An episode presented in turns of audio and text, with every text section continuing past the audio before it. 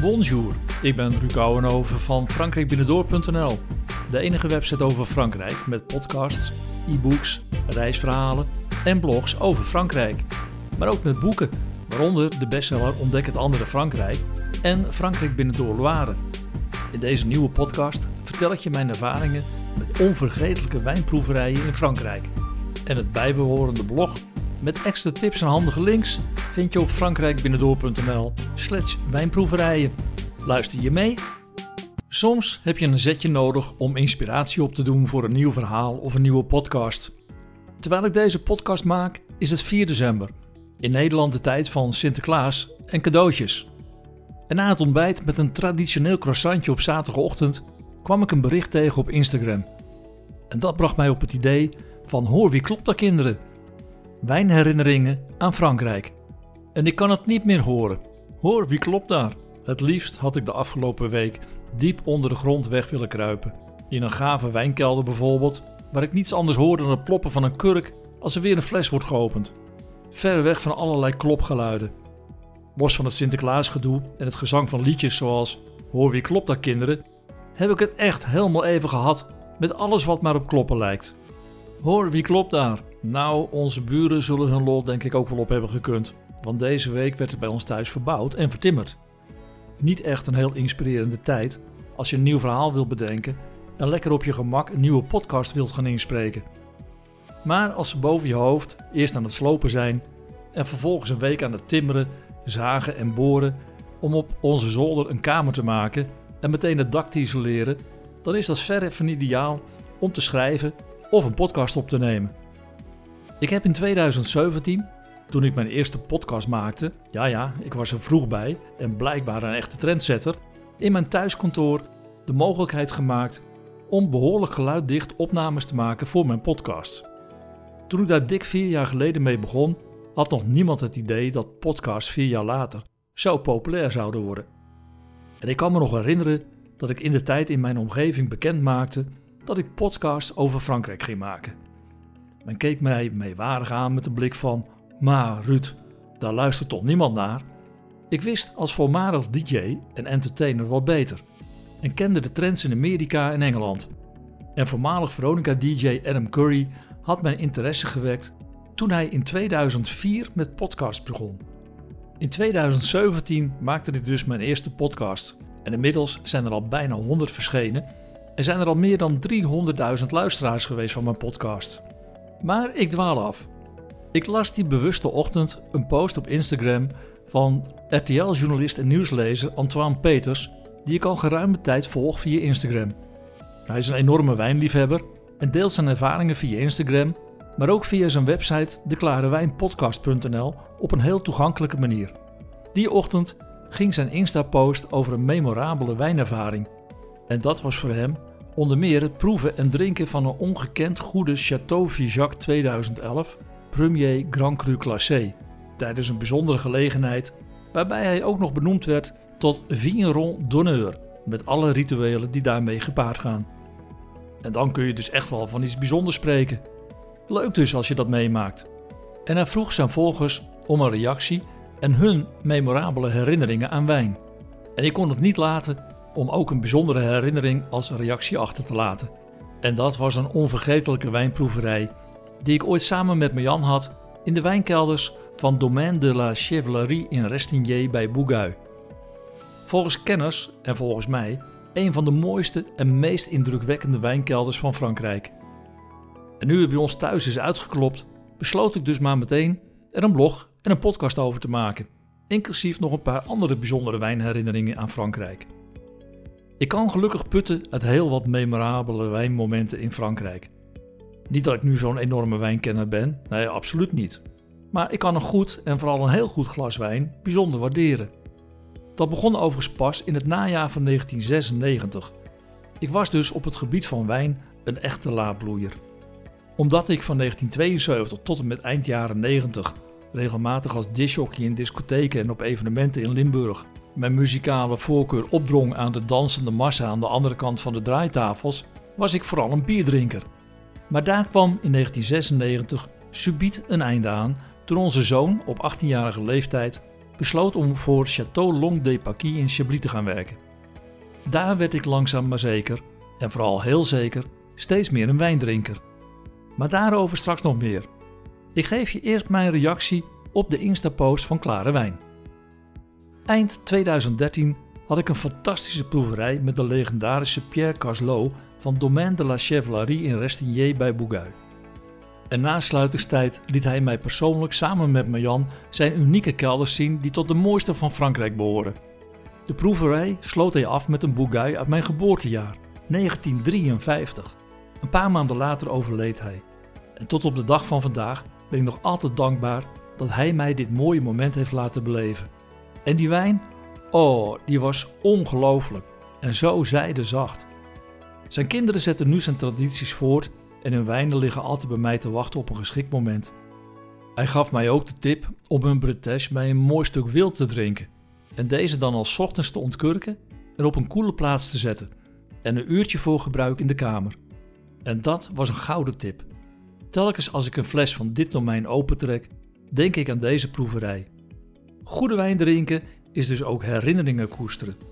Dus als je ooit naar de Loire gaat, ik heb er een boek over geschreven. En in dat boek, Frankrijk binnendoor Loire, staat ook de unieke Frankrijk binnendoor wijnroodtrip Loire. Woordenvol tips voor goede wijndomeinen en wijnproeverijen. Trouwens, in mijn eerste boek staat ook een memorabel verhaal van een proeverij in de vallei van de Loire met een wijnboer. Twee jongens uit Nancy en een echtpaar uit Lyon. Je leest het in hoofdstuk 5 van Frankrijk binnendoor ontdek het andere Frankrijk. En daar kun je dan ook meteen lezen wat er gebeurde met een groep Japanners tijdens de jaarlijkse en unieke ondergrondse proeverijen rond de wijnveiling van de Hospice de Boon. Ik was er samen met Marjan en onze zoon, die via relaties kaarten had weten te regelen voor deze bijzondere wijnproeverij. Sinds 1859 wordt op de zondag van het derde weekend in november de Vente de Vin gehouden. De veiling van Bourgonjewijnen die ook bepalend is voor de wijnprijzen in het volgend jaar. En dat weekend in Boon is super gezellig. En als je de kans krijgt om tickets te scoren voor de proeverij in de kelders onder de straten van Boon, dan zou ik zeggen: grijp je kans. Maar wijn drinken is ook emotie. Overigens zegt de Limburgse wijnmaker Stan Beurskens van wijndomein Sint Martinus in Veilen in het expertinterview in Ontdekt Andere Frankrijk over wijnproeven, drinken en kopen het volgende. Als ik zes flessen wijn koop, waarvan ik in Frankrijk twee flessen opdrink en die andere vier thuis, dan mogen die per definitie niet anders smaken. Maar dat doen ze toch. En dat is de emotie van het wijnproeven en wijn drinken. En dat klopt inderdaad, maar er is nog iets. Want als je wijn proeft en koopt bij een Franse wijnboer en je trekt thuis zo'n fles open, dan komt de herinnering aan die proeverij ook weer boven. Althans, bij mij werkt dat zo. En gek genoeg kan ik altijd zeggen waar ik in Frankrijk geweest ben. Als iemand mij vraagt: Ben je wel eens daar of daar geweest, Ruud? Dan zal ik nooit zeggen: Oh ja, dat is die plaats met die mooie kerk of dat gave museum. Maar mijn antwoord zal altijd zijn: Ja, zeker, daar heb ik toen in restaurant Huppe de Pup lekker gegeten. Of ik heb bij die en die wijnboer een onvergetelijke proeverij gehad en wijn gekocht. Mijn associatie met een plaats in Frankrijk is dus meestal verbonden met eten of goede wijn. En zo werd ik een keer het bos ingestuurd bij Chablis. En aan het begin van deze podcast had ik het al even over het wijndorp Chablis, waar onze zoon op jonge leeftijd naartoe ging om stage te lopen en daarna bij dat stagebedrijf Château Long de Paquis te gaan werken. Het is een van de topdomeinen van Chablis. En na een paar jaar wisselde hij van baan en ging werken voor het gerenommeerde wijnbedrijf La Roche in Chablis. En in die tijd kreeg hij verkering met een Chablisien, zoals de meisjes in het dorp worden genoemd. En aan die periode koester ik ook nog mooie herinneringen. Zoals bijvoorbeeld de dag dat onze zoon 21 werd en dit groots gevierd werd met het zoontje van vrienden die dezelfde dag ook jarig was. Er was een feest georganiseerd in het bos boven Chablis, waar een jachthut stond van een van de kennissen. Met een stoet auto's van Heb ik jou daar werd er naar de markt in Chablis vertrokken richting de jachthut. En buiten stond een giga barbecue en binnen stonden flessen wijn. Heel veel flessen wijn. Het was een heerlijke zwoele nazomerzondag in september. En de hele dag waren er hapjes en tegen de avond ging de barbecue aan. De wijn bleef die dag rijkelijk vloeien. En niemand bekommerde zich erom dat we ook weer met de auto terug moesten. Na het eten werd de boel opgeruimd en alles weer in de auto's geladen. En op mijn vraag of het niet riskant was om in het donker met de auto naar Chablis af te dalen, werd ik vragend aangekeken. Nou ja, stel je voor dat de gendarmes bij de rotonde staan te controleren, vroeg ik nog parmantig. Er werd gelachen en ik werd gerustgesteld. Ruud, we hebben de gendarmes al geïnformeerd en ze controleren vanavond aan de andere kant van het dorp. En als je hier een opmerking over gaat maken, dit gebeurde vele jaren geleden en zou nu echt niet meer kunnen, zelfs in Chablis niet. Het was wel de dag dat ik voor het eerst een ware wijn dronk. En dat was een Clos de Boer Demisec van het Domaine Nuet uit Vouvray. En die was zo lekker dat ik sindsdien graag een omweg maak om bij Huet in Vouvray te gaan proeven en kopen. En in het boek Loire lees je er nog veel meer over. Maar die avond in de bossen bij Chablis zal ik nooit meer vergeten. En wat ik ook nooit meer zal vergeten, dat is een unieke proeverij bij Vincent Dauvissat in Chablis. Hetzelfde vriendinnetje woonde dus in het oude deel van Chablis. En vanaf de straat reed je met de auto een soort binnenplaats op en in een van de huizen woonde de familie. Toen ze op een dag jarig was, togen wij met haar ouders, broer en onze zoon naar de buren. En daar werden we ontvangen door de charmante Vincent Dauvissat, de beroemde wijnmaker uit Chablis. En die was gewoon dus hun buurman. En normaal is het bijna niet te doen om wijn bij hem te proeven, laat staan om te kopen. De wereldwijde vraag naar zijn wijn is zo groot dat de beperkte productie voor een leek bijna niet is te krijgen. Maar die dag waren wij op de verjaardag van het vriendinnetje de gelukkige. En als je niet weet waar dit beroemde wijndomein ligt, dan rij je er ook stralen aan voorbij. Het ziet er meer uit als een eenvoudig dorpshuis, maar eronder ligt een doolhof aan kelders, waarvan sommige uit de 17e eeuw. Kelders liggen vol met wijnvaten van 132 liter en in de jaren 30 van de vorige eeuw begon zijn grootvader om wijnen van zijn eigen wijngaarden te maken. En al generaties kiest de familie voor een traditionele manier van wijn maken en Vincent Dauvissat heeft er sinds de jaren 90 zijn stempel op gedrukt. Na die rondleiding stond er een onvergetelijke proeverij op het programma met een fraai slotakkoord. Dauvissat vroeg aan het vriendinnetje in welk jaar ze geboren was. En even later kwam hij met een Chablis Grand Cru Leclos uit haar geboortejaar en ontkurkte deze voor ons gezelschap. Als slotapotheose mocht ik samen met mijn zoon elk maximaal twee flessen Chablis Grand Cru Leclos voor een vriendenprijsje meenemen. Op mijn vraag of ik een doosje van zes mocht kopen, was het antwoord kort en duidelijk. Non monsieur, c'est tout. Overigens woont onze zoon niet meer in Chablis en woont hij nu in Parijs met een leuke Parisienne. En gebruikt hij zijn kennis in de leukste wijnwinkel van Parijs de Sourire au pied de l'Echelle in de Rue de la Roquette, vlakbij de Bastille.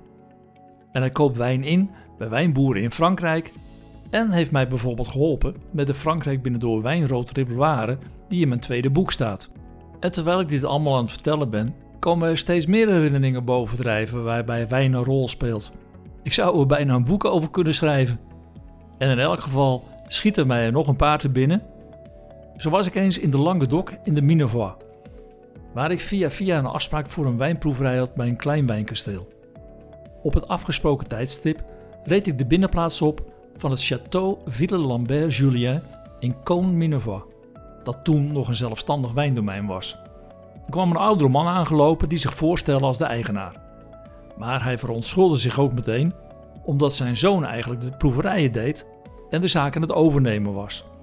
Maar hij was op reis om wijn te verkopen in Canada er ontstond meteen een leuk gesprek en hij nam ons mee naar de oude kapel van het kasteeltje, die als mooi proeflokaal was ingericht.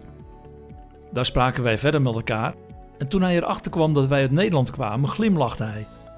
En hij vertelde trots dat hun wijn ook bij Gal Gal te koop was. De proeverij was heel aangenaam en we vertrokken met een paar dozen opera. Een stevige wijn met een kruidig karakter en een fantastische smaak. En in de auto hadden wij het nog even over de leuke en geanimeerde proeverij. Toen ik even later bij een Super U hypermarché stopte voor wat boodschappen voor het avondeten, ontdekten wij de opera bij de grote wijnafdeling van de supermarché. En ze stonden er een euro goedkoper dan op het domein zelf. Maar toch voelde ik mij niet afgezet, want de beleving van een leuke ervaring met de proeverij maakte dat meer dan goed. En terug in Nederland heb ik nog jaren de wijn bij Gal Gal gekocht Maar helaas is sinds 2014 het domein niet meer zelfstandig en is de wijn er niet meer te koop. Misschien dat ik toch maar weer eens richting Côte moet gaan om zelf wat doosjes in te slaan. Trouwens, in de Elzas heb ik ook eens een keer iets meegemaakt. De Elzas, en dan met name bijvoorbeeld de wijnstreek bij Riquier, ligt tenslotte vanaf Maastricht maar ongeveer 480 kilometer. En de laatste keer dat ik er was, is toch alweer een paar jaar geleden. Maar toen maakte ik ook weer iets mee. Ik was met Jan een paar dagen in Riquier. En we hadden al diverse domeinen bezocht, waarbij ik als laatste Hugel Evis bezocht. Ik wist dat onze zoon een enorme liefhebber is van een Riesling uit de Elzas, dus ik wilde een paar flessen voor hem meenemen. En ik stapte met mijn Jan in ons stoffige kloffie na een stevige wandeling in de wijngaarden van Riquier naar binnen. Er stond een groepje keurig en strak geklede Amerikanen voor ons. En de verkoper die op dat moment dienst had, zat ook strak in het pak. Wij vielen wat dat betreft behoorlijk uit de toon bij het gezelschap in de winkel. En de verkoper zag ons nauwelijks staan. En er kon zelfs geen bonjour vanaf, terwijl wij dat wel vrolijk hadden geroepen toen wij de winkel binnenstapten. De aandacht ging volledig naar de Amerikanen. Leuk om aan Amerikanen te verkopen, maar meestal gaat het dan om een paar flessen, want meer kunnen ze in het vliegtuig niet meenemen, tenzij ze het laten opsturen natuurlijk. En mij bekroop het gevoel dat ik ooit in Sittard eens bij een autodealer had. Ik was rijp om geld uit te geven en een nieuwe auto aan te schaffen. Ik stapte er op een zaterdagmiddag naar binnen in een chauffeur spijkerbroek en een aftans t-shirt, want ik had die dag wat geklust in ons huis. Terwijl ik meteen naar mijn favoriete auto liep, eromheen draaide, de deuren opendeed, de kofferruimte bekeek en naar het bordje met de prijs liep, keurde de man achter het bureau in de showroom mij geen blik waardig. Maar vlak na mij kwam er een keurig gekleed stel naar binnen, die meteen alle aandacht van de verkoper kregen. Hij maakte dus een inschattingsfout, gebaseerd op mijn uiterlijk van dat moment. Een misrekening. Ik verliet de showroom en kocht een week later bij de buren een nieuwe auto. En zo ging het bij Hugel ook. Ik keek Jan aan en we vertrokken. En even later liepen we langs een soort wijnwinkel, maar eigenlijk was het meer een soort opslagplaats met flessen wijn en vooral vaten. Er was een man in een blauwe overal aan het werk en ik vroeg of wij konden proeven. En omdat het al tegen het einde van de middag liep, vroeg hij of het ook de volgende ochtend kon, want dan had hij alle tijd voor ons. We zouden eigenlijk de volgende ochtend vertrekken, maar deze kans liet ik niet lopen. We spraken dus om 10 uur de volgende ochtend af. En precies op tijd waren wij aanwezig, alleen er was niemand te bekennen. Behalve helemaal achterin, waar een oude vrouw in het halfduister bezig was om etiketten op flessen te plakken. Ik liep naar haar toe en vertelde dat ik een afspraak had om wijn te proeven. En blijkbaar was dat met haar zoon. Ze liep naar buiten, keek de straat in en in de verte zag ze hem. Zij riep zijn naam, maar hij hoorde het niet. En ze ging toen wijdbeens midden op straat staan, zoog lucht naar binnen alsof ze wijn aan het proeven was, bracht haar wijsvingers en middelvingers naar haar mond en floot keihard. Daarna maakte ze met haar arm de beweging van kom en ze keek mij daarna triomfantelijk aan en sprak de historische woorden Un moment, monsieur et madame, il arrive. En even later kwam Daniel Jung van het gelijknamige domein aangerend. Daarna kregen wij een onvergetelijke proeverij waar wij uitstekende wijnen te proeven kregen en ik een paar dozen in de auto kon laden. Hou jij van wijn in Frankrijk? In mijn eerste boek, Frankrijk binnendoor ontdek het andere Frankrijk, gaat hoofdstuk 5 over wijn proeven en wijn kopen in Frankrijk. En in dat hoofdstuk deel ik je mijn persoonlijke ervaringen met wijnproeverijen en lees je nog een paar leuke ervaringen die ik heb gehad. En omdat ik een wijnliefhebber ben en geen wijnexpert, heb ik voor dit boek Nederlands beste wijnmaker gevraagd om tips voor de lezers van het boek.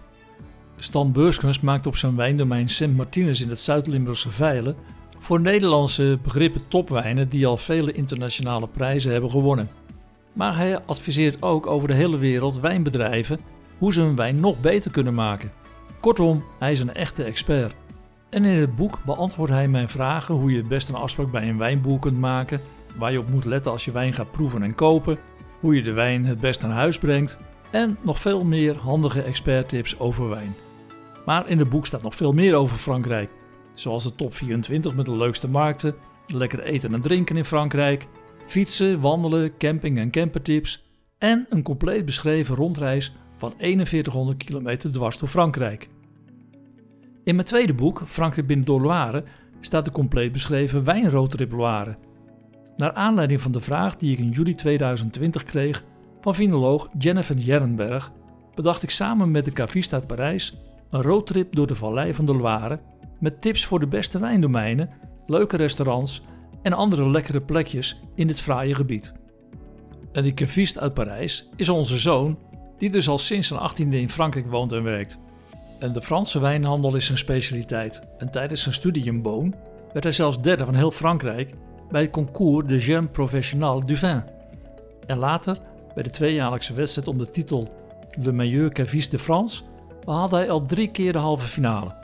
En in 2022 zal hij zonder twijfel opnieuw een gooi doen naar deze prestigieuze titel voor de beste caviste van Frankrijk. En een caviste is in Frankrijk een verkoper in een Franse wijnwinkel. En onze zoon, die verkoopt, maar hij koopt ook in voor Le Sourire au Pied de l'Echelle in Parijs. En zijn tips voor de beste wijndomeinen in de vallei van de Loire staan ook in het boek Frankrijk binnen door Loire. Maar met dit boek krijg je nog veel meer voor een onvergetelijke wijnvakantie in Frankrijk. Het staat boordevol tips om de fraaie vallei van de Loire te ontdekken en wat mij betreft een van de mooiste vakantiegebieden in Frankrijk en dat op maar ongeveer 600 kilometer van de Nederlandse grens.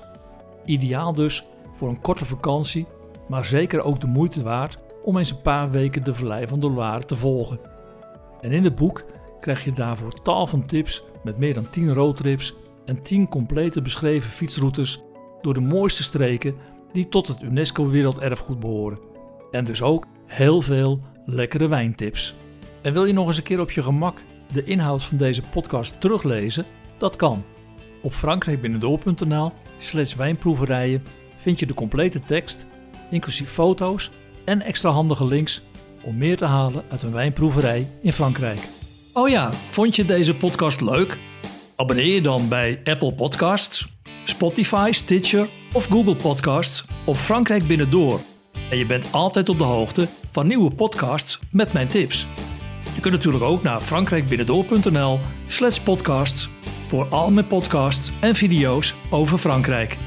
Tot mijn volgende podcast.